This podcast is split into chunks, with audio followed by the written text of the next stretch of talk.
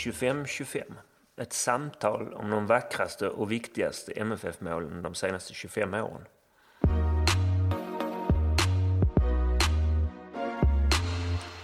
Vi som gör den här samtalsserien heter Tony Ernst och Henrik Zackrisson. all musik och alla jinglar är gjorda av Gabriel Ernst. Podden är klippt av Martin Ringstrand.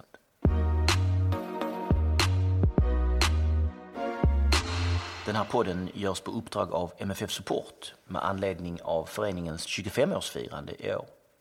Vi tycker att du ska bli medlem i Malmö FFs officiella supportförening. Gå in på mffsupport.com för mer information.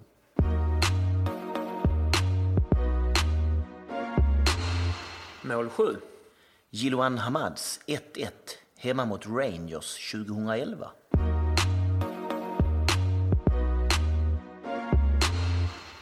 Målet. Det är Ivo Pekalski som vinner bollen eh, efter en hörna har, har eh, kommit ut. Det är Pontus Jansson som har en jättelik Just som, som målvakten räddar. Och så går bollen ut och där vinner alltså Ivo Pekalski bollen mot två man. Och, och liksom trycker fram den till Daniel Larsson som bröstar ner den till Jiloan Hamad. Och Gille låter den studsa på knäet och sen en gång i gräset. Och han väntar. Han väntar liksom på ögonblicket. Och det vet man ju inte där och då på läktaren för då är man väl helt uppstirrad av allt som sker. Men så här i efterhand ser det ut som att han nästan väntar lite för länge. För där är folk på väg att trycka honom liksom. Men sen drar han till med fel fot, vänstern. Och bollen den går i en underbar båge över målvakten in i bortre krysset. Och det är ju ett fantastiskt mål. Eh, man, man, eh, man ryser när man tänker på det.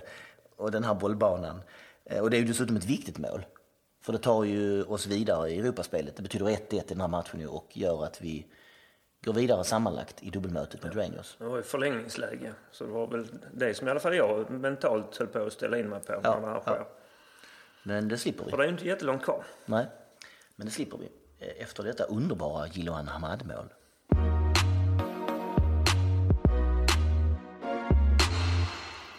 Läget. Ja, var låg vi i tabellen och vad betydde egentligen den här matchen? Henrik, take it away. Ja, det är ju Champions League-kval och vi ställdes i första rundan mot Torshavn från, hette de va? Från Färöarna. Ja, någon initialer i början där borde vi ha kollat åt. HB Tornshamn tror jag. Ett, ett lag från Färöarna.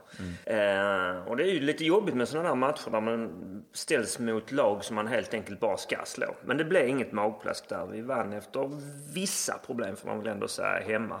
2-0 och sen så eh, klarade vi 1-1 borta. Det var väl också lite, lite krampaktigt. Men i och med det visste vi att vi skulle få minst fyra Europamatcher till. För precis som nu, eh, eller i alla fall som det hade varit i år, så innebar en förlust mot Rangers ett Europa League-playoff. Och vi visste också att skulle vi slå eh, Rangers så att ett europeiskt gruppspel väntade. Eh, antingen Europa League då som det blev eller eh, Champions League. Och det blev det ju Europa League. ja. Eh, där vi fick Alkmaar från Holland, Metalist Charkiv från Ukraina och Austria Wien från Österrike. Tog bara en poäng sammanlagt där. Mm, lite svagt ändå, var det inte det? Jo, Så här i efterhand hade man hoppats på lite mer kanske. Men no. och, och, det var ju Europaspelet det, men i Allsvenskan, hur, hur står det till när den här matchen spelas då? Ja, vi är i början på augusti, så vi är mitt emellan omgång 17 och 18 i Allsvenskan. Och vi har precis ganska heroiskt i ösregnet på Olympia. Eh, mot HF som ju skulle vara väldigt bra det här året och som skulle komma att vinna Allsvenskan ganska överlägset. Nu har vi klarat 2-2 där uppe. Just det, vi låg under med 1-0, va? sen vänder vi till 2-1. Mm, så blir det 2-2 ganska tidigt i andra halvlek. Men, Ja, sen får de eh, Gant utvisad. Just det, han lappar till. Miljan? Ja, han lappar till va? Miljan och det gör man inte ostraffat. det tycker inte ens domaren. Nej. Eh, vi ligger på sjätte plats. Det här var en säsong som eh, var jobbig på många sätt och vis. Eh, 29 poäng, eh, det är 10 poäng efter Helsingborg. Så guldet har vi väl börjat vinka. Gulddrömmarna har vi börjat vinka ja till.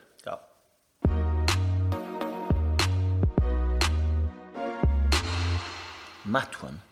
Rangers börjar bäst. Men eh, så efter knappt 20 minuter blir Steven Whittaker utvisad. Efter att ha kastat en boll i ansiktet på Jimmy Domas som gör det mesta av den situationen kan man säga om man är snäll. Ja, han verkligen får ut maximalt där. Ja.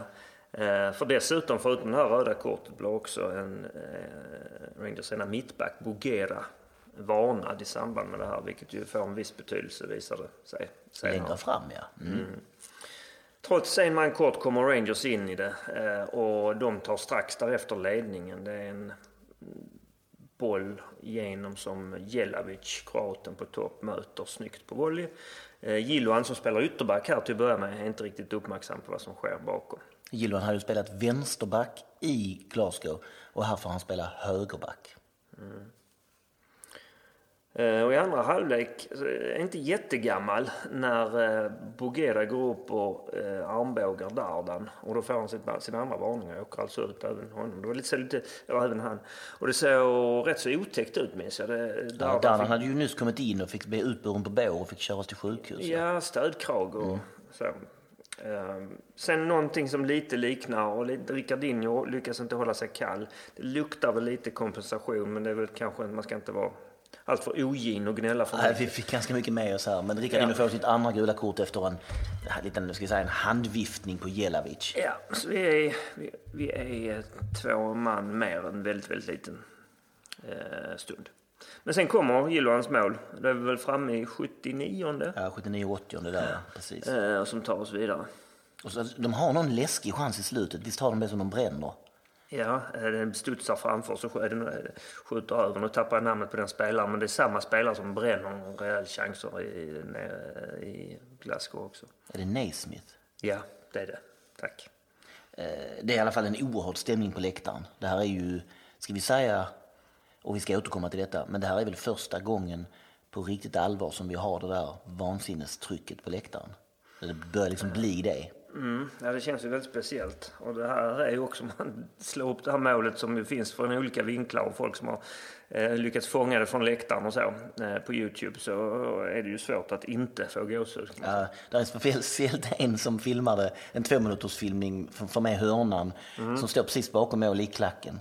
Och det är så himla härligt för att när Gillans boll går in så är första reaktionen hos alla som står runt omkring att slita av sig alla kläder. Jag tycker det är så fruktansvärt underbart. Att det, första som sker efter att bollen går in i mål är jag måste vara naken. Men Var det varmt den dagen? Jag Jag inte det, det var varmt men, men det är en sån un, alla börjar skrika och sliter av sig tröjorna. Den, eh, den ligger fortfarande på Youtube och jag, vi uppmuntrar folk att eh, se om, se och se om.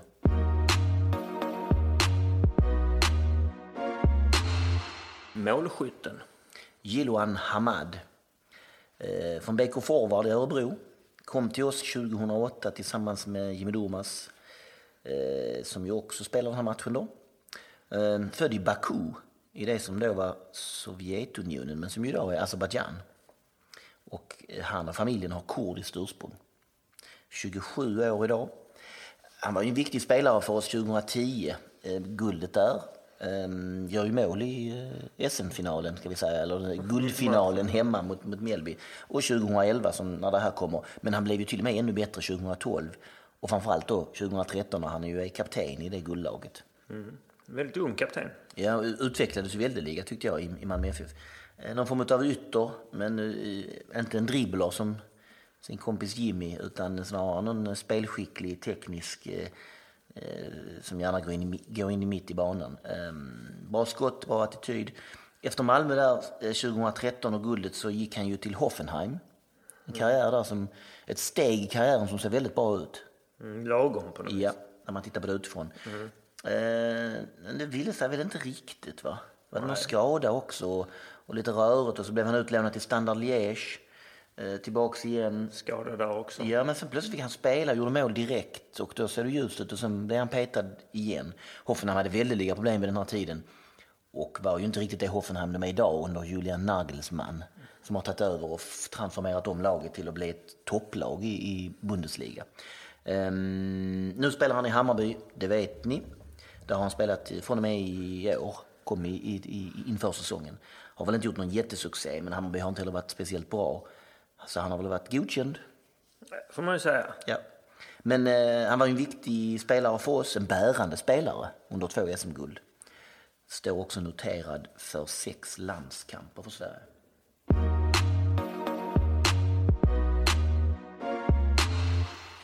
Rangers fall. Innan den här matchen vi pratar om nu och målet vi pratar om nu så gör vi en fantastisk match borta på Ibrox eh, och vinner ju där med 1-0 efter Daniel Larssons kanon. Men har vi lite tur så, de bränner en del chanser. Men samtidigt, vi gör en jättebra match mot Ja, är- svårt europeiskt Vi är motstånd. otroligt bra i den matchen. Och man får säga att vi på något vis här inleder någon sorts, ja, jag ska inte säga gravgrävande kanske, men det här blir någon form av början till Rangers fall. De var kraftigt skuldsatta och tvingades i konkurs 2012. Det, det, det verkade ju som att de lite grann hade räknat med att gå till Champions League eller i alla fall Europa League då, och liksom få lite stålar där och klara ut ekonomin. Ja. Och det förstörde vi då ja. Ja, kan man säga. Och, och de, eh, klubben bildades om under delvis annat namn, även om det fortfarande är Rangers. Och de tvingades ner ända i fjärde divisionen. Ja, Men vi har ju haft några saker som, som påminner om det här. Örebro till exempel blev tvångsnedflyttat efter 2004 eftersom de inte klarade licensen då. Men, men på något vis så kan jag ändå inte, det är jättetrist för Örebro men det går inte riktigt att jämföra. Det här är en, ja, en fantastiskt anrik klubb, grundad 1872, 54 ligatitlar. Massor av Europaframgångar inklusive en cupvinnarcuptitel på 70-talet. Och så plötsligt tillintetgjord ner i division 4. De har ju då eh, år efter år tagit sig upp igen. Det var väl ett år de inte klarade att gå upp, så de har inte gått rakt upp igen från fjärde divisionen. Eh, och nu återfinns de just nu när vi pratar om detta här idag på övre halvan i skotska ligan. Men, men de är ju inte en riktig utmanare till Celtic än i alla fall. nej, och jag undrar när de blir det. det, det när man, när man liksom hör sig för med folk som kan det där lite grann så är det som att skotska ligan liksom kommer att kräva de här två lagen. Så det kommer nog att bli så att Rangers och Celtic kommer att bli som det var förr. Men det, man får nog räkna med i alla fall en 3-5 ligatitlar till Celtic innan det blir så. Men nu är i alla fall tillbaks, där, derbyna är tillbaks i skotska ligan. Eh, the old firm. Eh, även om det finns en väldigt tydligt uttalad stor och lillebror just nu. Ja. Ett sidospår vi har inte haft så mycket musiktips i den här podden. Och Någon gång har vi kommit in på det. Så. Du har sjungit någon gång ju. Ja. Det var himla vackert. Men nej, det är ju så att vi båda två är väldigt musikintresserade men vi, våra musikintressen kanske drar åt lite olika håll så det har varit svårt att prata om, eh, om det här. Men, eh, men jag hör att du vill in på ett litet sidospår här. Ja. Ja, jag, nu när jag kom hit så satt jag och pratade och gjorde en intervju med ett doom metal-band. ja. Och de ska vi inte prata om för de är inte från Skottland. Men eh, Nej, det finns ju så himla många bra skotska band. Eh, om, man liksom googlar och tar upp Wikipedia-sidan med, med Scottish pop bands så är det liksom, där är många band. Så är hälften av dem jättebra, typ. Och ändå finns inte Trash Can Sinatras som är så fantastiska. Finns inte med på den listan. Okej. Men vi har Lloyd Cole, The Commotions, Trash Can Sinatra som sagt, Deacon Blue, Blue Nile. min favorit, Blue Ja. Nile. Jag älskar Blue Nile och Och Paul de är väl från Glasgow också. Ja, oh ja. Mm. Uh, As the Camera, Friends Again också. Tror jag tyvärr inte finns på Spotify men leta upp dem på Youtube. Bluebells, Danny Wilson som är faktiskt också. Nej, jag, jag är ju en sån som tycker om jättemycket olika musik. Så det är inte bara så att jag lyssnar på rap som vissa tror, eller bara på metal. Jag eh, gillar pop och just skotsk pop har någon liten... Eh, eh, det är någonting med det som, det är en liten stråk av vemod, någon Ja, touch utav, precis. utav, eh, utav regnet som faller och att eh, det finns inte riktigt några jobb men man kan sjunga ändå. Det, Ja. det, det, och de allra bästa banden där, de som vi tog upp när Lord Cole eller då Deacon Blue eller Blue Nile som är min favorit. När de då liksom når det där, då är det ju väldigt eh, känslosamt. Eh, Någon, någon favorit? Jag, jag är ju, en, eh, alltså Blue Nile lyssnar jag fortfarande ganska ofta på. Och, och, och, många tror att man bara ska lyssna på första plattan. Eh, eh, ja, A men det Walk Across the. Rooftops. Nej, men de andra följande plattorna är ju lika bra. Eh, Jag är ju jag är väldigt svag för Trash Can Sinatras eh, och då är det ju så att den första skivan som heter Cake, det är den som är absolut bäst. Den finns inte på Spotify, i alla fall inte när vi talar in detta. Men man kan säkert leta upp det. Youtube är ju ganska bra för att hitta låtar på. Så Trash Can Sinatras Cake. och eh, Blue Nile överhuvudtaget är väl våra stora rekommendationer om eh, skotsk, Friends Again får ni inte glömma bort. om skotsk pop.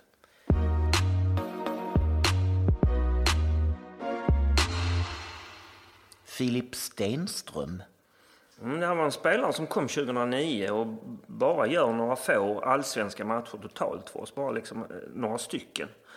Eh, men i den här matchen byts han plötsligt in i 34 minuten istället för Agon Mehmeti som spelar yttermittfältare. Eh, men man hade inte märkt någonting, i alla fall hade inte jag det, att Agon var skadad. Men tydligen hade han någon känning, sades det efteråt. Bytet innebär att Ilwan Hamad flyttar upp från sin ytterbacksplats till sin vanliga plats så att säga på yttermittfältet. Och Filip Stenström då som var ytterback. Eh, och såklart de här åren fick stå väldigt mycket i skuggan av Ulrik, min sång. Eh, han flyttas upp på sin vanliga plats. Ulrik som för övrigt var skadad i den här matchen. Eh, han gjorde bra inhoppet, alltså överraskande, bara helt oprövad. Ja. Men han var bra. Och en sak som jag minns om honom också, att han, han var väldigt lik din son Gabriel tyckte jag. Alltså, Fast, fast kortare då.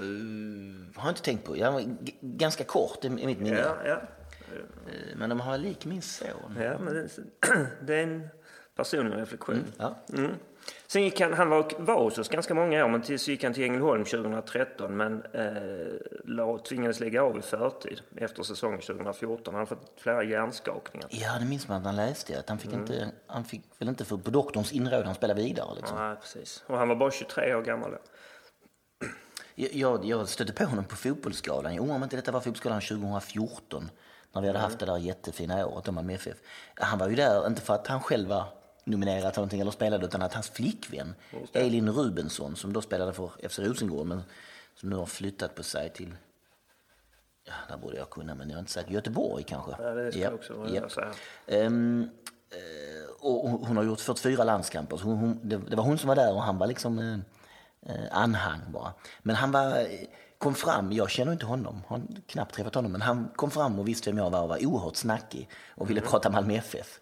Eh, och visade sig ha ett enormt MFF-hjärta. Och det gjorde mig glad. Ja. Han var ju med på de här eh, Florida-lägren också. Ah, så väldigt- då har du träffat honom ja, någon gång? Okej. Väldigt trevlig.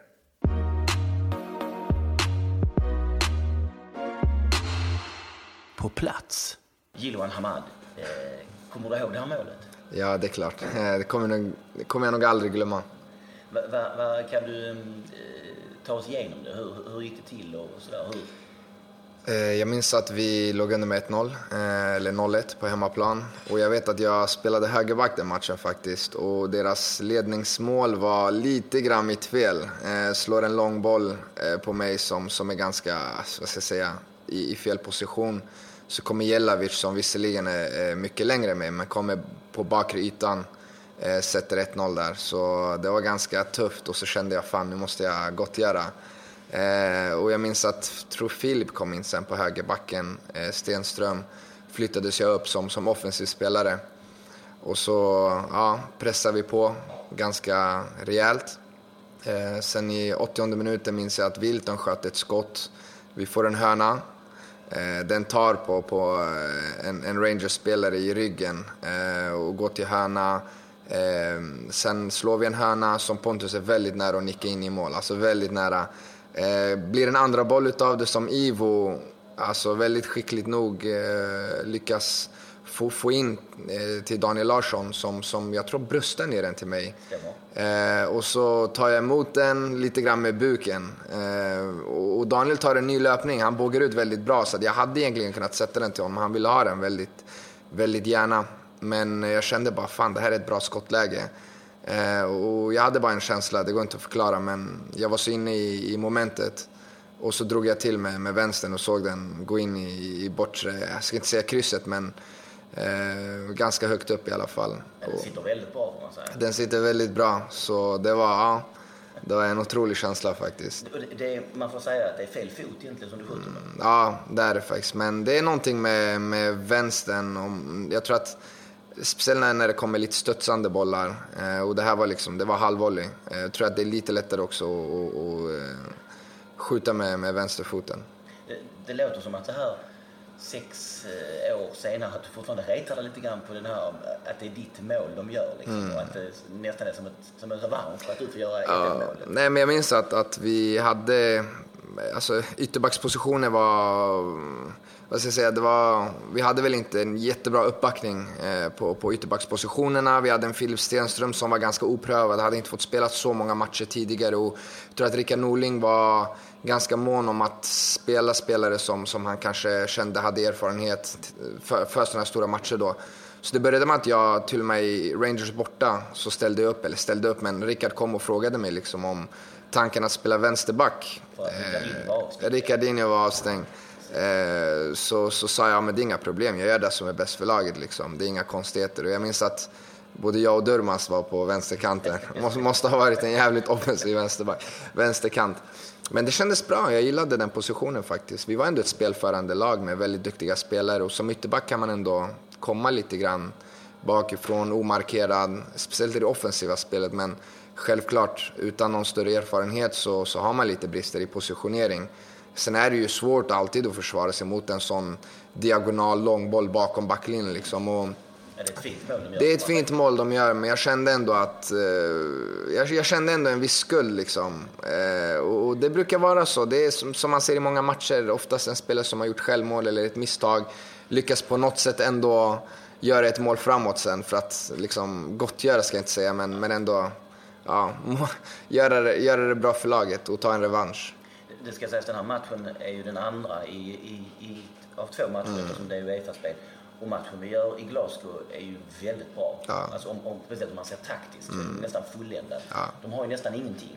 Och vi har fler chanser. Ja, ja alltså vi mötte ett, ett Rangers som, som hade ett väldigt, väldigt bra lag på pappret då. Det var ju precis innan dem. Det var en, en bra tid för dem. Det var sista eh. stora satsningen kan man säga. Exakt. Innan de sen åkte ner och Exakt. Exakt. Så eh, jag tror att de, de inte har varit så bra på väldigt, väldigt många år. Många spelare i den truppen, i det laget, spelar i Premier League och i stora ligor nu liksom. Eh, men jag minns att fan, vi hade vi var jävligt taggade. Vi hade ett, ett väldigt, väldigt sammansvetsat lag. Vi, vi hade sån kärlek för varandra på planen. Och, eh, det, var, det, var, det var riktigt roligt att spela. Jag minns vi, vi fick träna på arenan eh, kvällen innan.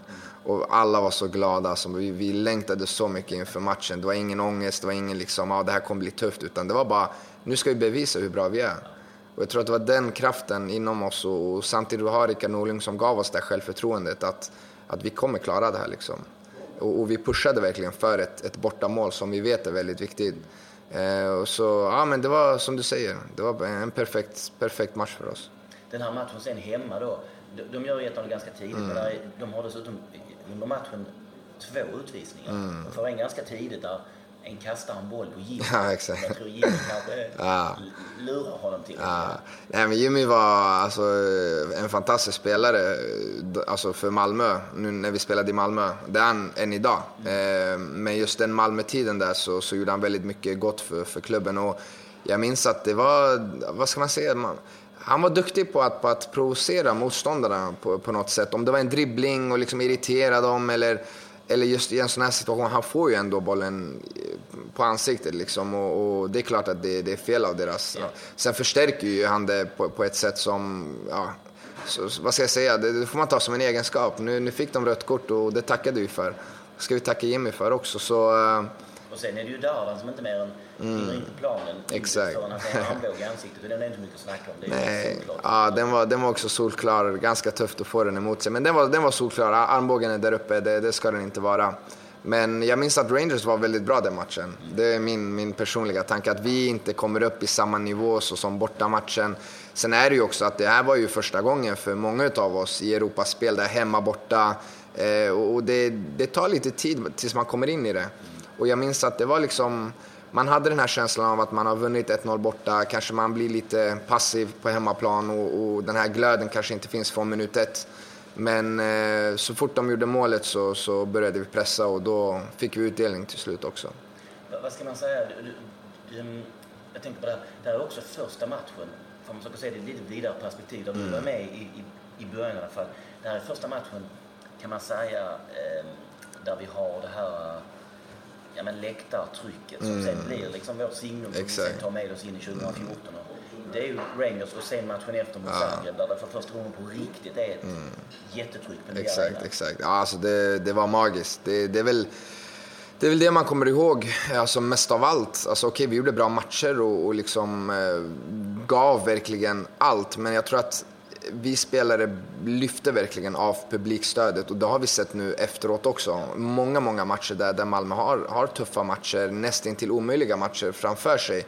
Men har man lyckats ändå vända. Eh, och, och eh, nej men det, alltså, det, det trycket som, som, som vi hade då, det var, det var magiskt. Och så, som du säger, du vet, jag kom till klubben 2000, redan 2007, 2008.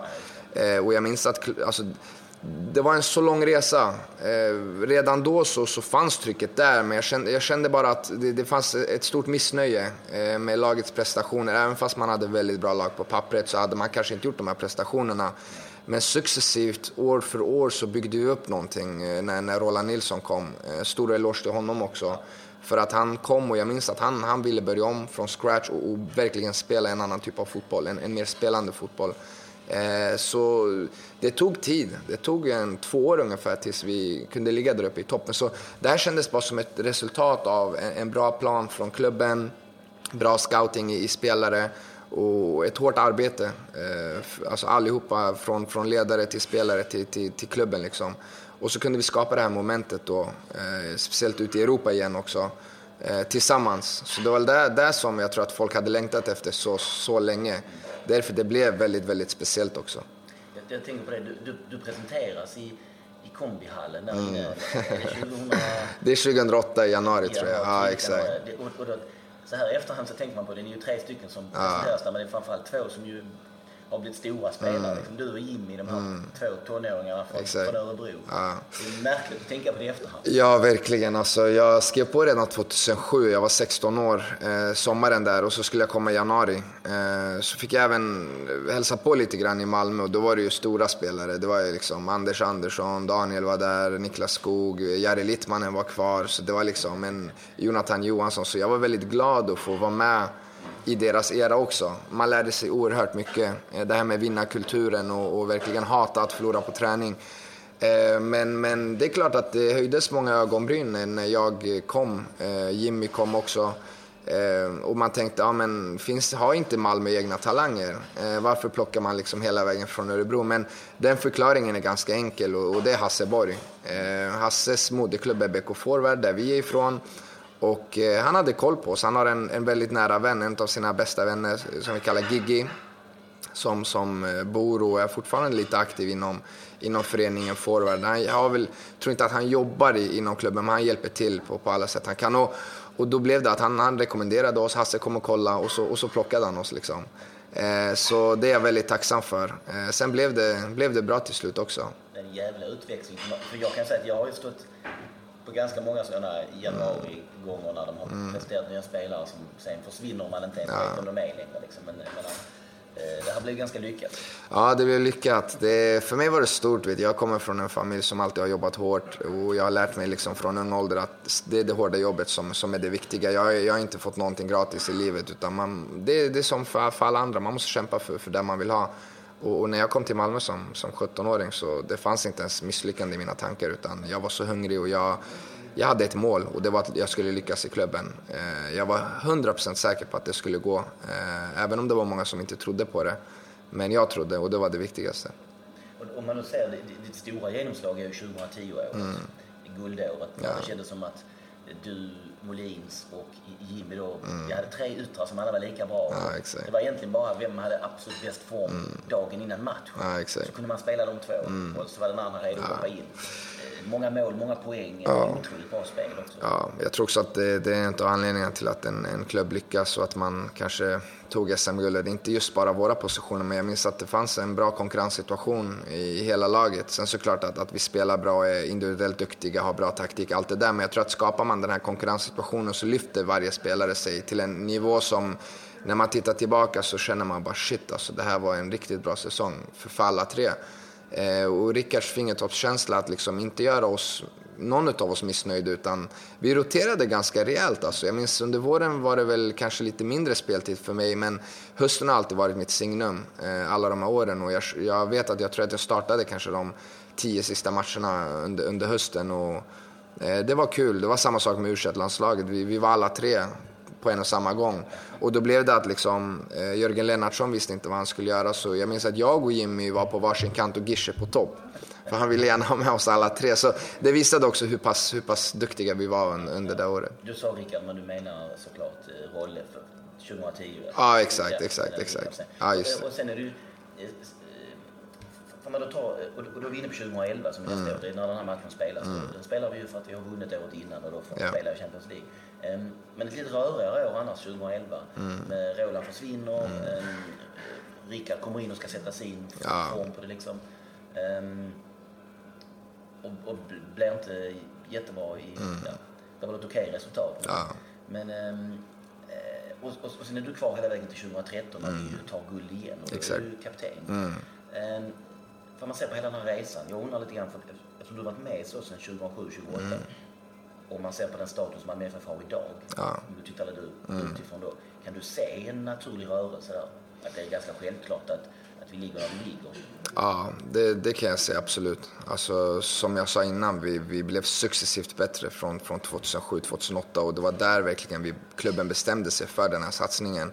Sen har det varit lyckat ändå måste man säga de fem, sex åren som jag var där. Och när vi lämnade över, eller lämnade över, men när jag lämnade klubben och, många andra. Idag spelar väl ingen där som jag har spelat med. Eh, Erdal är väl den enda som Erdal debuterade debuterade. Exakt. 2013, ja, och Dan Sen är, exakt. Sen är det ju en helt ny trupp och det, det var redan så förra Johan året. Dahlin är tillbaka. Johan Dahlin är tillbaka, det stämmer. Johan Dahlin är tillbaka.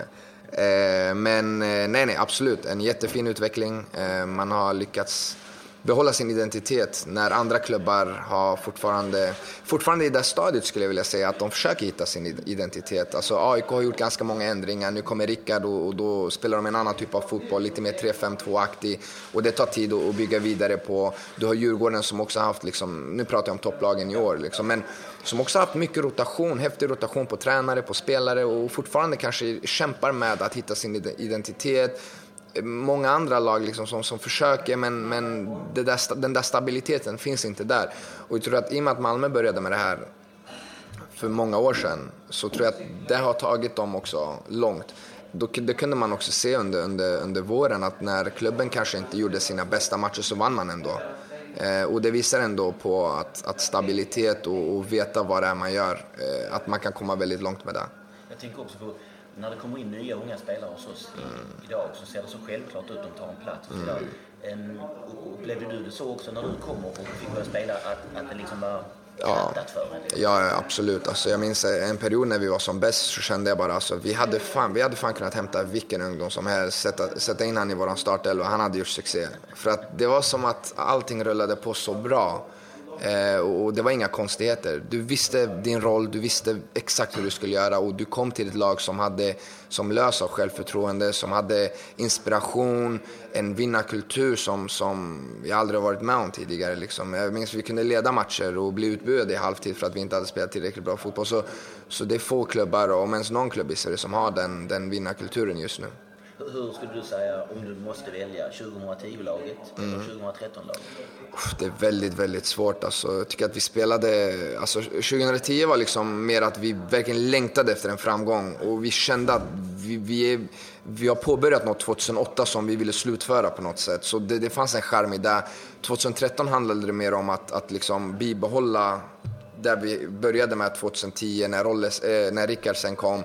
Så, så blev det lite ändring men då blev det också en ny resa på ett sätt.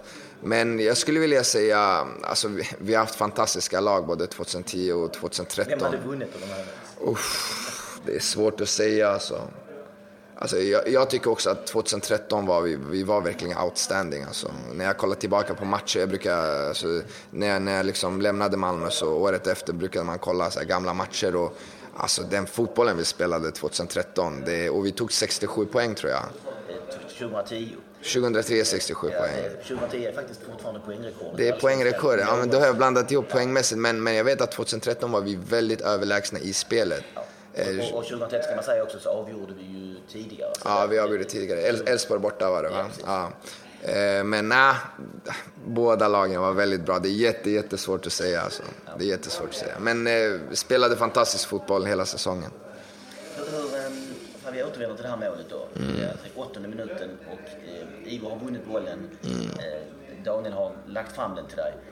Kommer du ihåg känslan när du, när du ser att den är iväg? Alltså är, det- är, till att börja med, är det skott som du inser att den här kommer att sitta direkt? Eller? Ja, men så fort, så fort bollen lämnade foten så kände jag att det här är mål.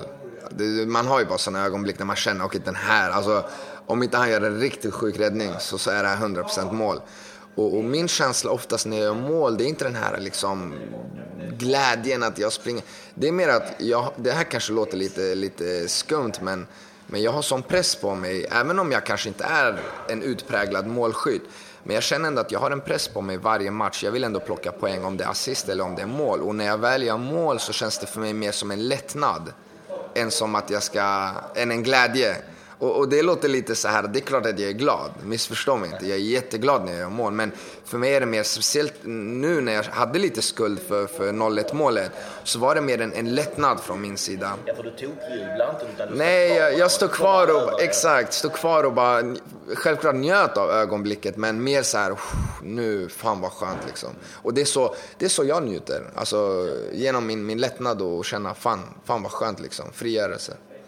Hur, nu har vi valt det här målet. Mm. Mm. Innan, men du har gjort en del i Malmö. Är det något annat mål som du känner ligger varmt om hjärtat? Ja, alltså jag minns, eh, alltså när vi går tillbaka, om vi går tillbaka till 2010 så, så minns jag också att det var en säsong som var, nu när jag, det är liksom lite svårt, det är ganska många år sedan, men när, för när du ställde frågan 2010 eller 2013, men jag minns att 2010-säsongen var ju en säsong där, där det var, jag tror de sju, åtta sista matcherna så låg Helsingborg väldigt nära och, och det kändes som att vi var tvungna att vinna varje match, för att de vann varje match. Ja, Vi möts i omgång 23. Exakt. Då vinner vi mot HIF. Ja. Mm. Sen i omgången efter eh, förlorar vi. Men därefter så ligger vi och Helsingborg lika hela vägen in i är det inte så att vi har typ 6-7 raka Det vinster är då? sex vinster tror jag. Det är ju så också att i fyra eller tre eller de fyra sista där så spelar de en dag före. Ja, just Och vinner. det. De vinner. Exakt. Och det var, det var liksom... Det var lite press. ja, jättemycket press. Och, och det var det som gjorde att vi alla lyfte. Och då kände jag, fan det här är ett mästarlag alltså. Ehm, så, och då minns jag Mjällby, Mjällby, Mjällby som vi hade jättestora problem med hela det där året. Alltså slog ut oss i kuppen och du vet en El Kabi som hade gjort sex mål på två matcher och verkligen mardrömsmotståndare. Eh, både på hemmaplan och bortaplan. Och, och då minns jag att jag, också Daniel Larsson inblandad, så, så fick jag göra 1-0 målet där också i guldmatchen. Så det är också ett mål som, som jag sent kommer glömma Det var faktiskt. ganska nära att komma med också. Ja, Okej, okej. ja. Sjukt att den inte kom med. Nej, jag skojar. Nej, men den var också väldigt så här. Det var en skön, skön känsla verkligen. Ja. Och sen 2013 hade du ett väldigt bra målår. Då gör du ju, jag tror det är sju eller åtta mål. Ja, det var åtta mål. Ja. Och det var många av de målen som var direkt avgörande. Jag tror många 1-0 matcher, AIK borta, Kalmar hemma och så vidare. Så det var skönt att, att kunna hjälpa och bidra på, på ett sånt sätt. Eh, Jag tror att när laget går bra, när man hittar sin roll på planen så, så kommer poängen. Alltså det, det finns ingen egentligen förklaring. Jag har haft säsonger där jag kanske har varit mm, lite bättre spelmässigt men, men inte plockat poäng. Eh, Så det är också så här, jag tror att supportrar, det är klart att man vill ha spelare som tar poäng och plockar poäng men, men jag tror att man får kolla också lite grann eh, spelarens eh, kvaliteter, hans funktion i laget.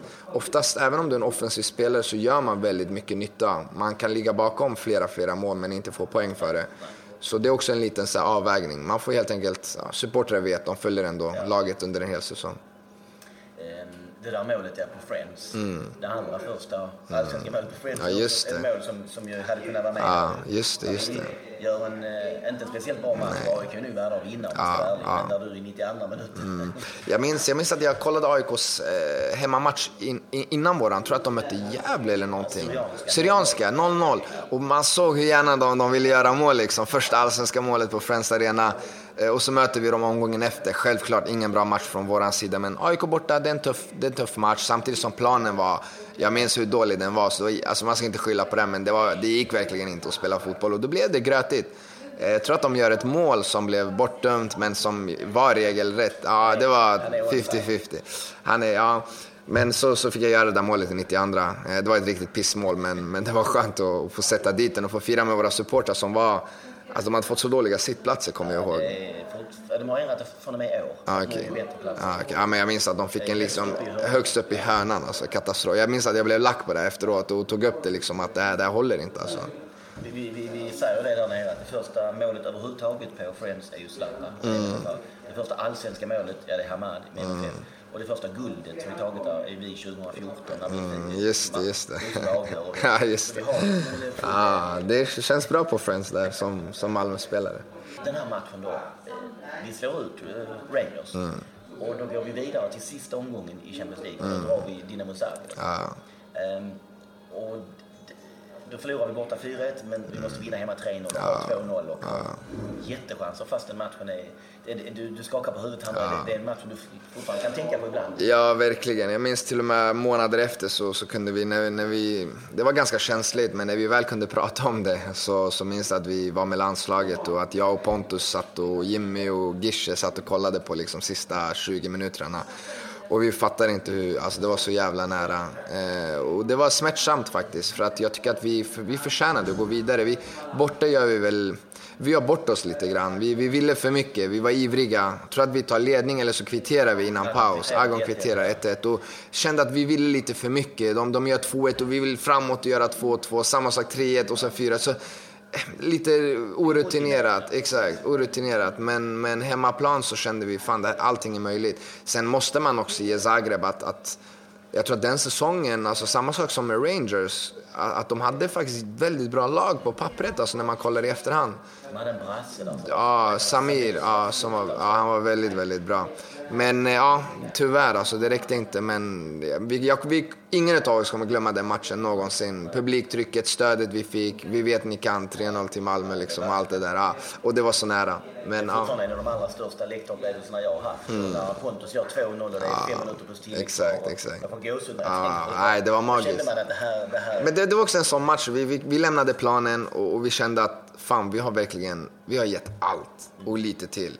Och, och någonstans så, så, som supporter, som alltså, spelare, ledare, man uppskattar det liksom. Och då, då är det bara stående ov- ovationer och, och även om det var tufft för oss så jag tror att vi växte som, som förening eller som, som klubb, som lag, som spelare efter en sån match. Liksom. Jag tror att den har varit nyttig, jättenyttig för det som sen blev Champions League-kvalen. Du måste nog liksom ut och... Det går inte bara första gången Nej, nej, nej. en slump, utan du måste igenom några gånger. 100 procent. Eh, hur... hur ehm, jag ska avsluta det här lite grann. Hur, um, för du tänker på Malmö FF idag. Mm. Hur, vad, vad betyder klubben? Hur, hur känner du för klubben idag? Liksom? Jag förstår att du är en annan, spelar i en annan Ja, exakt, såklart. exakt. Du vinner när du möter oss. Men när du tänker på, på din tid där. Nej, men alltså det är ingen snack om saken. Det har varit lite grann i media och liksom folk som, eh, vad ska jag säga, det har väl kanske varit lite småklantiga uttalanden om mig själv. Jag är fortfarande ung och, och man kanske pratar ibland av, av, vad ska jag säga, kanske lite för mycket med, med hjärtat. Men eh, ibland så blir saker och ting som det blir i livet. Eh, men samtidigt så, mina sex, sju år i, i den föreningen, det, det har varit alltså, magiska år. Eh, mina bästa ungdoms, ungdomsår var, var i Malmö, flyttade som 16-17-åring. Så jag hade väldigt bra framgångsrika år där, så det är jag tacksam för. Eh, och det kommer jag alltid bära med mig såklart. Så det är klart när jag, när jag ser laget spela och, och när de vinner och framgångar, det är klart man gläds. För att man, jag känner mig ändå alltså, som en del utav det. För, för när jag kom, som, som jag sa innan, så, så började vi på en resa. Och det känns som att det är den resan som, som pågår fortfarande. Det är samma anda känns Exakt. Så det är väldigt kul såklart. Eh, Så nej, det är klart, det, det, det är klart att man är glad. Och när du är nere så, jag menar, eh, när, när vi möter nu och, och du går i korridorerna och sånt. Mm. eh, i- Okej, det är inte många spelare kvar, men det är fortfarande folk kvar. Så ja. folk hälsar på. Mm. Exakt. Och tycker väl om fortfarande. Ja, absolut. Alltså, all personal nu när jag var där senast, det var fantastiskt. Alltså, och även om spelarna kanske inte är där så, så är väggarna kvar. Eh, alltså atmosfären, väggarna, allting är kvar. Och det var det som slog mig när jag, när jag mötte dem borta. Att det var, fan, det var inte lätt alltså. Jag trodde att det skulle bli bara, ja men det är en match liksom. Men det var inte bara en match för mig. Det var, det var jobbigt faktiskt att komma dit eh, och värma upp, komma in i omklädningsrummet och borta omklädningsrummet liksom. Fel omklädningsrum. Fel omklädningsrum. Så det, det kändes, det var faktiskt, jag ska inte ljuga, det var, det var jävligt tungt för mig alltså. Det var som sagt mina bästa ungdomsår, det, det var i Malmö. Så det kommer alltid vara, vara som, ett, som ett hem liksom för mig. Och jag tänker också så här, tänker jag ofta. Alltså har man spelat hos oss och varit en viktig spelare Mm. och och dessutom har varit en av kaptenerna. Vi har vunnit guld 20 gånger, där är 20 kaptener. Liksom. Det Exakt. ändå, det, oavsett vad man försvinner händer, vad man gör, så måste det ju, det finns ju kvar. 100 procent. När jag skrev på för Hammarby så, så uttryckte jag att jag är väldigt, väldigt stolt att få representera en så fantastisk förening som Hammarby. Men jag sa samtidigt att, att det här med att liksom jag älskar Bayern, det, det kan inte komma över en dag, över en signering, utan det kanske tar ett år, det kanske tar två år, det kanske tar mer, mer tid. När jag verkligen kände att fan, jag älskar Malmö FF, det var kanske efter två år. Eh, och man måste förstå, det är som en relation som jag, som jag säger. Du vet, jag gillar inte när en spelare kommer och bara ah, men kysser klubbmärket, bara ah, jag älskar den här klubben. Nej, alltså det är omöjligt att du kan älska den på så kort tid. Jag lärde mig vad Malmö var, Malmös identitet, kultur, allt som fanns, vinnarmentaliteten allt runt omkring klubben. Alltså det, Staffan tog oss på, på liksom, eh, Staffan Tapper på, på eh, visning runt och berättade mycket om, om Malmös historia. Och det var då man kände så här, okej okay, fan det här är mycket större än oss. Det är någonting som finns där. Och har man älskat no någonting någon gång så, så även om man inte är tillsammans så kan man fortfarande älska den personen. Liksom. Och det, det är där jag är. Liksom. Det är klart att jag alltid kommer ha kärlek för klubben. Det vore sjukt annars. Och jag är jätteöppen och ärlig med det, för det är så jag känner. Och jag vill inte säga någonting annat. Eh, och, och, jag väljer att gå ifrån den relationen med ömsesidig respekt och ömsesidig kärlek fortfarande. Eh, och sen att jag nu går in i en, i en annan klubb och en annan relation, det, det, är en annan femma liksom. Och nu måste jag fokusera på att vara här och jag, jag älskar att vara här också. Eh, så ja, det, det är liksom verkligen från hjärtat. Ja, och det, det är också, tror jag, en, en, en viktig ingrediens i det för att, jag menar, att du jag är, tycker fortfarande om dig och jag vet supportrar som fortfarande mm. tycker det. Sen är det såklart alltid supportrar som tycker mm. si och så. Liksom. Men det känns som att du fick ett väldigt bra avslut i Malmö. Ah. Du, du, du, du hade liksom eh, i god tid gjort klart mm. vad som gällde. Du var kapten. Eh, du saktade inte precis ner Nej. utan ni vann guldet eh, Exakt. klart och tydligt. Ja. Och sen gick du iväg till Tyskland. Så det kändes som ja, ett fint avsked. Verkligen, allting var magiskt. Alltså, det var som att någon, alltså, någon, om någon hade frågat mig hade jag inte ens kunnat planera det så här väl. Liksom. Regisserat det så bra. Ehm, allting var bra. Jag hade en chans att lämna redan under sommaren. Det var två franska klubbar som var väldigt intresserade. Allting var klart. Men då kände jag och Malmö att vi vill, jag vill vara kvar och vinna SM-guldet. Ehm, det var matchen där mot Göteborg hemma minns jag att vi vann och då kände jag, fan jag vill ingenstans. Vi kommer vinna SM-guldet nu.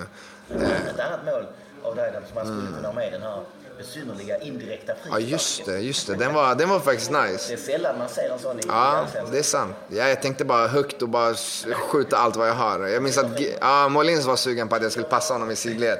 Så det var bra att den gick in, annars hade jag fått skit. Eh, vart var vi? Nej, men eh, det är klart. Alltså, ja. Eh, all right. Men eh, jag, jag, eh, vi är klara. Vi, vi, vi, en allra sista gång. Mm. Jag återvänder till det här målet. Mm. Rangers eh, hemma.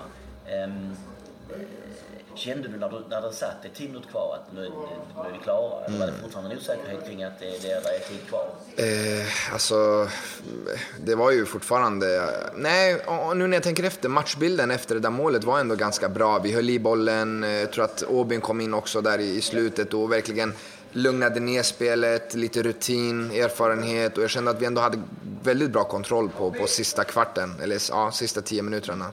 Så det var ganska lugnt alltså. Det var mer, och de är nio man, väldigt trötta och så vidare. Så nej, det kändes faktiskt full kontroll.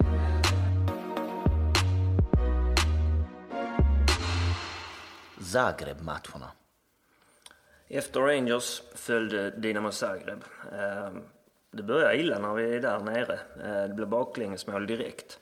Och sen går inte jättelång tid innan Agon kvitterar på Halstis härliga framspelning som liksom går runt på utsidan och Agon sprintar fram och knallar in över närmsta stolpen. Jättesnyggt mål. Mot oss på, på kortsidan, vår klack då alltså, mm. jublet. Um, sen har vi det riktigt jobbigt i slutet av första halvlek. Jag minns att det blir en blodvite på Daniel Andersson ja. som får gå ut och bandagera, alltså ser ut sådär som spelare alltid gör när de bandageras, det vill säga lite konstiga. Ja, de, de har ett stolpskott också där i den ja, vevan va? Ett skruvat snyggt stolpskott. Ja. Men vi reder ut stormen. Och sen känns det ju som att det är ganska lugnt i början på andra. Att vi har kontroll på händelserna. Mm. Um, men ack vad man kan bedra sig för plötsligt blir Hallstig bortgjord på kanten och en boll in och så rakar uh, en Zagreb-spelare in 2-1.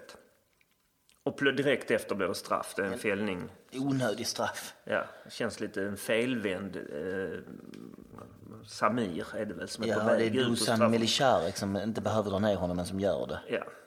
Inte feldömd på något vis, Nej. men onödig.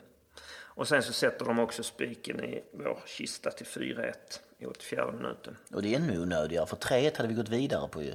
Jag hade inte sagt att de hade spelat på det sättet, visst matcherna hade kanske tett sig annorlunda. Men där, visst, har vi 1-3 borta borde vi kanske ha nöjt oss med detta, men vi går för det och Jeff tappar bollen onödigt i mitten för att vi flyttar upp folk. Och så det är närmast en kontring till 4-1 till dem. Ja, och vi är ju aldrig nära att göra ett mål till. Nej, nej. Eh, Vi har ju ingenting framåt i princip i den här matchen. Eh, Ett minne som jag har också är att jag är där för att rapportera lite för svenska fans och att jag ställer mig fel i mixed zone så att jag blir utskälld av kroatiska tv-team. Eller jag vet ju inte om de var kroatiska men jag gissar det. Ehm, ja, då fick jag flytta på mig. Och så kan vi väl prata lite om Maximirstadion kanske. En eh, koloss till att börja med och Ja. eh, inte särskilt eh, mysig arena. Vi, vi som stod på ståplats där borta då, det var ju... kan inte ha sett mycket. Nej, det var långt avstånd och eh, allting var rätt besynnerligt tyckte jag. Men den har ju också en rätt så tung historia får man säga. Mm. Eh, precis. Eh, på stadions västra sida så finns ett monument som rests till minnet av den 13 maj 1990. Eh, då det egentligen skulle spelas en match mellan Dinamo Zagreb och serbiska Röda Stjärnan. Eh, men istället blev det upplopp och hundratals personer skadade eh, då Dynamos eh, hårdföra supportergruppering Bad Blue Boys drabbade samman med Röda Stjärnans och likaledes hårdföra supportergruppering Delie och det här reserverar mig för uttalet. Mm, ja. jag, jag vågar inte ge mig på det heller. Men det har ju fått någon form av symbolisk betydelse, de här oroligheterna. Eh, symboliserar den jugoslaviska statens sönderfall och kroatiskt oberoende. Och, så här. och Zvonimir Boban var i högsta grad i centrum här. Han, eh, som är Milans gamla mittfältsstjärna. En underbar spelare får man säga. Ja, ja. Och i kaoset här så riktade han en spark mot en polisman och blev för det avstängd av det jugoslaviska förbundet. Inte så länge dock, för han deltog ändå i det jugoslaviska landslag som 1991 kvalade in till EM 92. De kvalade in alltså, spelar ju alla därför det blev diskat. De blev diskade på grund av kriget. Och då fick ju Danmark platsen, tog den och vann. Ehm, Bad Blue Boys, ehm, Alltså Dynamos Dynamos. ultrasgrupp där. Ja, de var inte på plats de här matcherna. Nej, ingen av dem. Nej. De bojkottade alltihopa. Ja. Ja, det var konflikt och missnöje med ordförande eh, Zdravko Mamic. Jag säger att han är inte längre ordförande, han har haft lite problem med, med det rättsliga och så. Numera är han listad som rådgivare. Låter maffiaaktigt. Vi sitter här och har sådana kaninöron i luften. Uh, I år faktiskt, så sent som i augusti, när jag googlade på detta så, så blev han sårad i benet. Han utsatt för ett mordförsök. Rimligt. Jag blev utsatt för mordförsök. Ja, eh, och det var ju så också va, att Dinamo hade ju missat Champions League flera år i rad när vi mötte dem. Eh, Lite grann det där Salzburg så att det skulle de aldrig nå dit liksom. Eh, och det, det märktes ju att de blev rätt så tagna och nervösa när Wilton gör 1-0 här hemma. Och det är en, vad är det, en halvtimme kvar kanske någonting. Mm. Ska, ska vi liksom åka det här igen? Ehm, och, och så utvisningen när han ska gå av banan va. Han som ska bli utbytt och så går han för sakta så han får sitt andra gula så upptäcker domaren att det är, det, då är det rött. Så då kan de inte byta ut honom. Så de blir en man mindre. Och, och, och så gör vi ju 2-0 av Pontus där i 86 och sen har vi ju jättechanser där såklart alla framförallt minns Ulrichs volley med vänstern som ju hade varit det mest episka mål vi någonsin hade gjort och som väl antagligen hade varit etta på den här listan om det hade gått in. Så målvakten gör en av de svettigaste räddningarna man har sett på stadion faktiskt. Jag fattar inte hur han ser den bara. Nej. Men han ligger som ett streck och tar den. Ja, men det, det känns som att det är fyra minuter kvar och så lite tillägg. Det känns som att vi har åtta solklara målchanser på de minuterna. Men det känns som att, att vi, det är så här, jag och Henrik brukar alltid säga när det är några minuter kvar. Okej, vi får en chans till. Det, det, det, det, det är vårt lilla mantra. En chans till får vi och då måste vi sätta den. Och det minns jag att jag tänkte här då, okej fem plus tre, säg åtta minuter kvar, vi får en chans till. Men det fick vi inte för vi fick en och en och en och en. Det tog aldrig slut ju. Ja. Det kändes som att bollen till sist kommer att gå in, men det gjorde den inte. Men, men det var ju det där, både du och jag kände faktiskt efteråt att man var liksom inte riktigt sådär tvärilsk eller jätteledsen, för man var så jävla stolt, tyckte jag. Hur det här laget hade tagit sig an de här matcherna, hur vi hade skapat stämning på arenan och så vidare. Så att jag, jag gick faktiskt ifrån eh, Malmö stadion efter eh, Zagreb-matchen och var ganska nöjd. Mm, Jag minns att du skrattade efter när du liksom så, du hinner inte uppfatta att det var Ulrik som sköt det här. Nej. Och så frågar du och så säger jag att det var Ulrik och så skrattar du. Alltså, Ja, men det var... mitt i detta. Ja, men för att jag tänkte att alltså till och med vår högerback som aldrig hade han ett skott på mål i en allsvensk match. Han gjorde ett mål i en I en cupmatch. cupmatch, ja, men han hade annars inte ett skott på mål. Nu var han uppe i offensivt straffområde och sköt med vänstran. Tänkte jag, Perfekt ja, volley. tänkte jag trycker in den i bortre. Men ehm, så, så, så kände jag faktiskt. Och visserligen kände jag ju samtidigt att vi kommer nog aldrig gå till Champions League. Men ändå blev det ju här någon sorts form av prequel till det som sen skulle bli Hexenkessel och Salzburg Celtic-matcherna 2014-2015.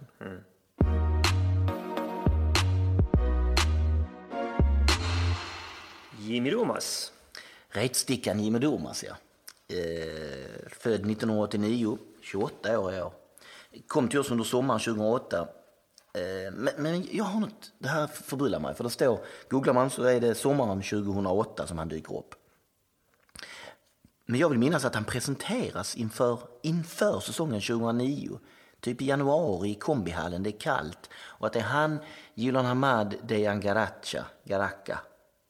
Jag vet inte hur det sägs ska uttalas. Visagi Dejan Garacha, målvakten. Alla från BK Forward. Men minns jag fel där?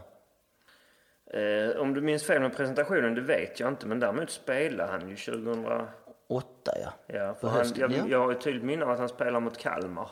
Kommer, presenteras de i, ja, jag vet att han spelade, Mm. men jag har liksom att de, alla tre presenteras. Är det för att de, är det kanske, det, det kan ju inte vara att i vintern, alltså inför 2008, de här kommer komma till sommaren. Ja, jag, jag, eh, presentationen vet jag inte. De, de, liksom får, men jag håller med att det verkar konstigt. de får tröjorna där. Liksom. Jag är helt säker på att de får tröjor. Det kanske är... Mm. eh, Ja, jag vet inte. Eh, detta minne har jag. Mm. Vad jag ska göra av det vet jag inte. Eh, Jimmy Domas, han var ju Jimmy Toma när han kom. Och Malmös nummer 21. För oss då ju. Till en början. Men redan eh, 2009 så, så tar han eh, namnet Domas. Eh, gör 91 allsvenska matcher för oss, 14 mål. Nästan alla är kanoner i krysset, känns det som. Han kunde ju skjuta den mannen. Kan. Ja, kunde och kan ja. Eh, några riktiga kalasmål. Favorit? Favoritmål? Jimmy Domas?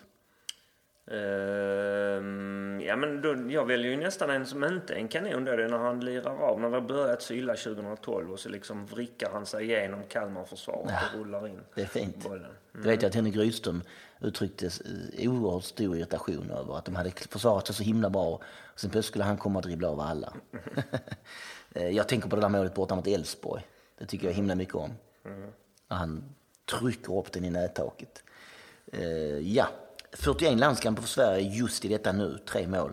Han spelar i Toulouse, det vet ni, tillsammans med Ola Toivonen, en annan gammal MFF-bekanting.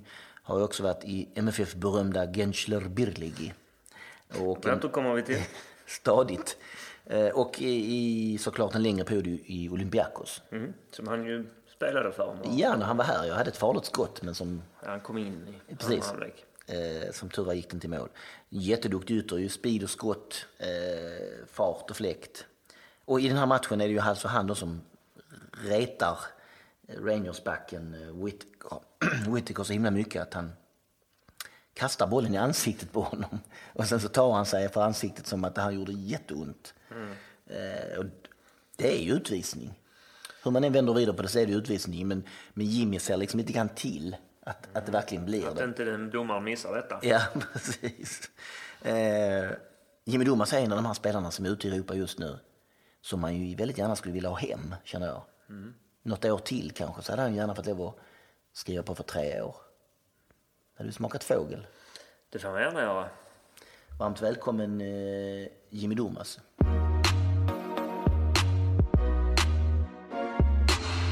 Kluriga frågan. Ja, vi är här igen i den avdelning, det är segment där eh, jag ställer en eh, svår fråga till en Henrik som inte vet vad jag pratar om.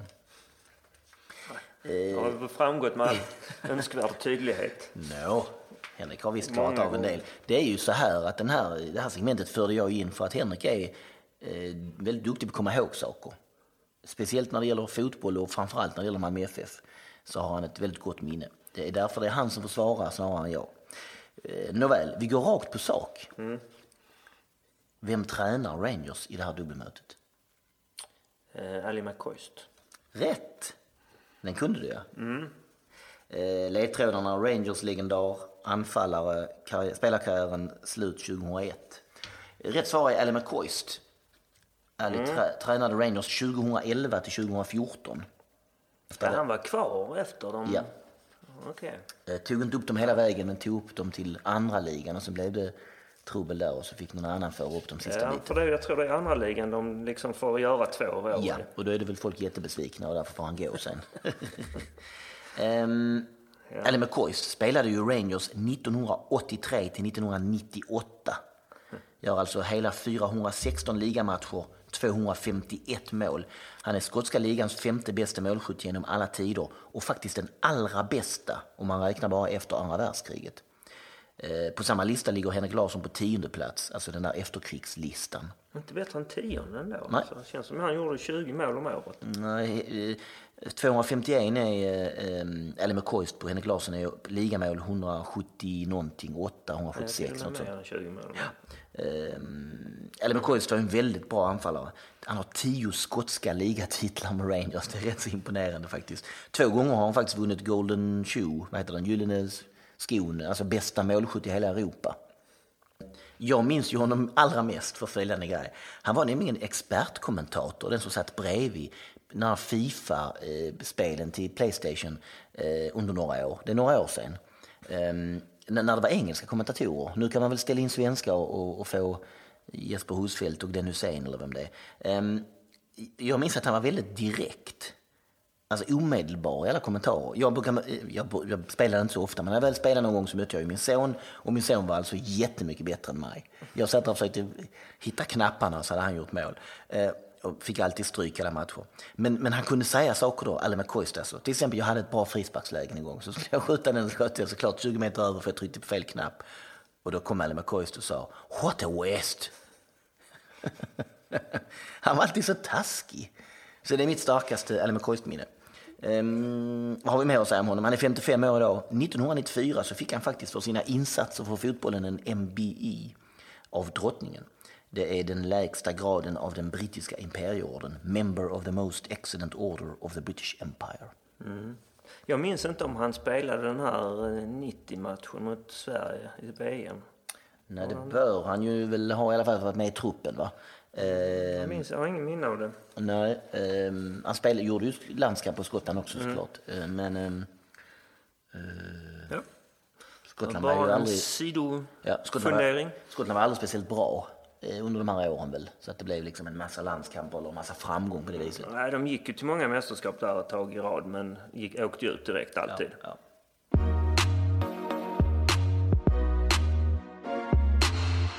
Bortaresan. ja, vi mötte ju Glasgow eh, Rangers i Glasgow eh, i, i första matchen och vann 1-0. Daniel Larssons skott in the back of the net. Um, och den där resan till Glasgow eh, för den matchen, det räknar jag som en av de allra roligaste jag har gjort med Malmö FF, tror jag. Så himla mycket kul vi hade. Allihopa som var där. Det var ju Celtic-puben Brazen Head. Alla original som satt där. Själva matchen såklart, allting kring det. Att man var på Ibrox, som ju känns som väldigt sådär eh, legendariskt fotbollsmark. Ehm, Daniels mål då och glädjen på läktaren där. Det ofattbara att vi tog ledningen. Ehm, vandringen sen från arenan. Vi stannade till och käkade fish and chips hos någon snubbe som visade sig vara ara- eh, arab och som dessutom hade, kände väl till Malmö, hade bott på Dalaplan, som han sa. Eh, festandet då på kvällen och natten och kvällen efter när vi gick på karaokeklubb. Den indiska maten på Mr Sings. Alla vännerna man var med där och hade så himla kul med. Vi, vi åkte och badade i Loch Lomond. Vi käkade haggis, som ju var gott. Eh, och så ser vi ju Celtic på Celtic Park dagen efter för de möter ju Wolves sin träningsmatch. Och blir gratulerade av alla och alla är så himla glada för oss. Kommer med i tidningen. och, eh, Någon av dagstidningarna tar bilder på oss att vi får vi går dit i MFF-tröjor. Eh, och sen eh, dagen innan matchen blev vi inbjudna av klubben för att de tror nog att vi Sydsvenskan är där samtidigt de tror nog att vi tillhör dem på något vis. Vi får följa med in få en rundvandring in på arenan. Men Rangers då? alltså. Ja, precis. In på match, själva matcharenan. Sitta på, på, på bänkarna där och sen så tar de med oss hela vägen in till styrelserummet och det fina pokalrummet med alla, med alla de här 54 stycken ligatitlarna. Eh, Det kändes otroligt stort och jag tror aldrig jag kommer att glömma den resan. Som en vingannons.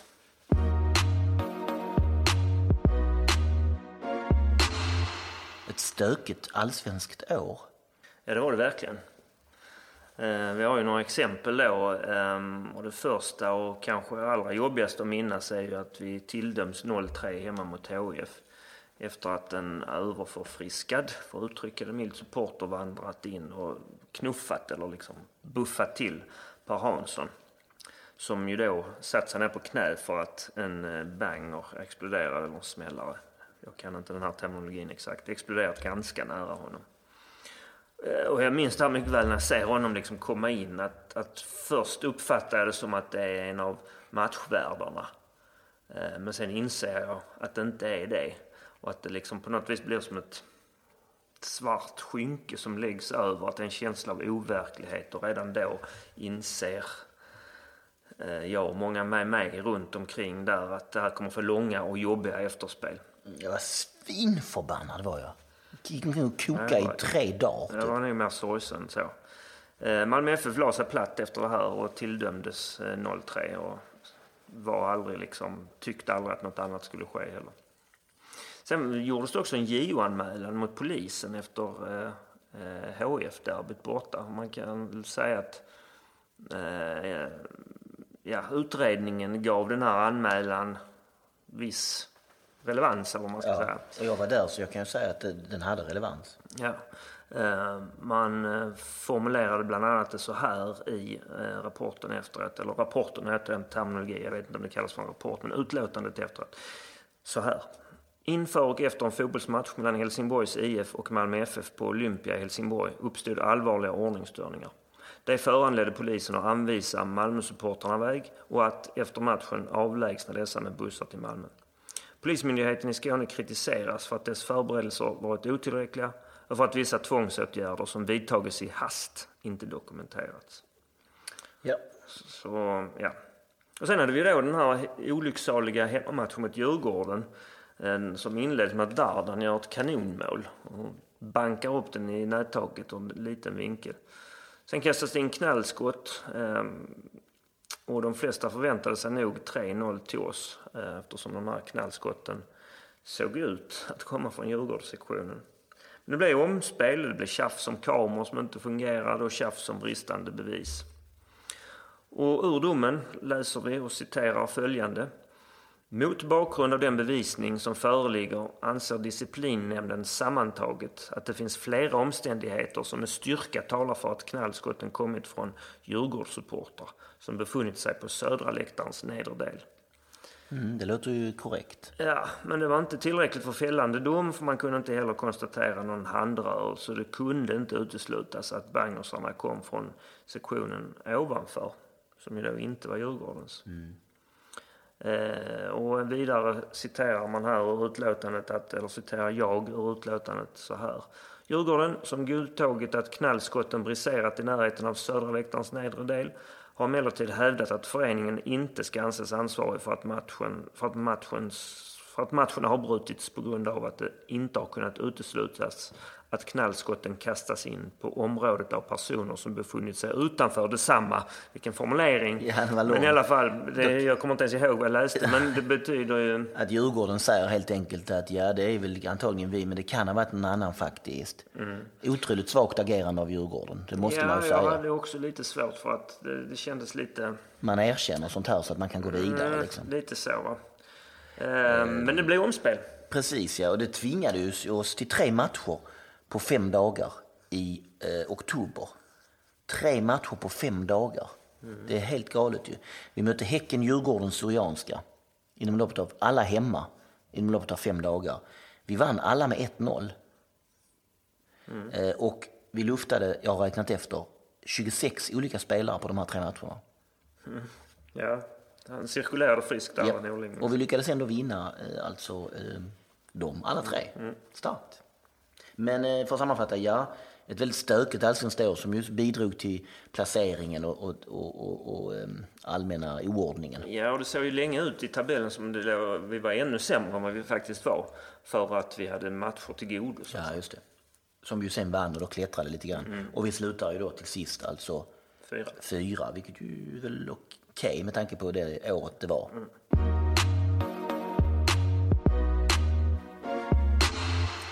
En av motståndarna. I Rangers så spelar Steven Naismith i de här två matcherna. Och han pratade vi kort om innan, han missar en del chanser. Ja. Mm, han har väl någon, det är väl han som har någon Ja. jättechans där i slutet som han får över eller felträff. Han har en eller två bra i Glasgow också. På inspel som han inte riktigt når eller hur det är. Ehm, han är faktiskt en av deras bästa spelare de här matcherna. Slog igenom i Kilmarnock. eh, där Rangers eh, köpte honom 2007. För så känns det ju som det är i skotsk fotboll överlag. Om något av de andra lagen får fram en bra spelare, då köps han. Av Ja. Celtic numera då, men Rangers var det andra alternativet tidigare. Ja. Han flyttar sen till Everton 2012, alltså efter den här konkursen som, eh, som Rangers eh, hamnar i. Och där stannar han fram till 2016. Gör 103 matcher för Everton och 18 mål och eh, är riktigt, riktigt bra. Jag minns att man ibland tittar på någon match på Viasat eller Seymour eller vad det är och, och där springer Steven Naismith omkring och är helt okej i Premier League. Idag är han i Norwich, som ju ligger i andra ligan, va? Alltså Championship. Det nog där. Ehm, han är en rolig spelare tycker jag för att han ser så jäkla skotsk ut. Alltså han är blond, eh, inte bara blond utan vit. Blekvit. En säkert en sån som blir kräftröd om han solar i fem minuter. Han har liksom inte ens en frisyr utan det hänger något hår där men sen rakar han av det så är det bara stubb liksom.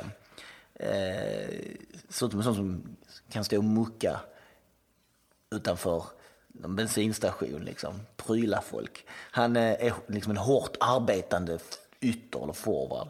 Sliter liksom är hans stora, stora, hans bästa drag. Det känns, han, känns på alla sätt och vis skotsk. Ehm, 45 landskamper för Skottland. Han är tydligen ambassadör för Dyslexia Skottland eftersom han själv hade dyslexi som ung.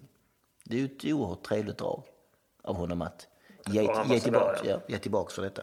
Är det inte så trevligt drag att ha dyslexi? Det, kan, det hade han nog önskat att han inte hade. Men det är trevligt att han sen försöker hjälpa andra. Eh, Han började faktiskt i Rangers. Jag sa ju innan där att han slog igenom i Kilmarnock. Då hade han varit i Rangers, inte riktigt lyckats som ungdomsspelare, fick gå till Kilmarnock och sen kunde de köpa honom igen då. Ehm, han uttryckte faktiskt i år i en intervju som jag läste viss ånger för hur han lämnade klubben då i konkurstiderna. För då säger han någon, någon väl valda ord om att han har svårt att relatera till klubben eftersom de får döpa om sig och liksom forma om sig. Ehm, men idag då va, så säger han till BBC I still support Rangers and want them to get back challenging as a club. Ehm, så det är alltså en spelare med eh, stort Rangers-hjärta. Steven Naismith.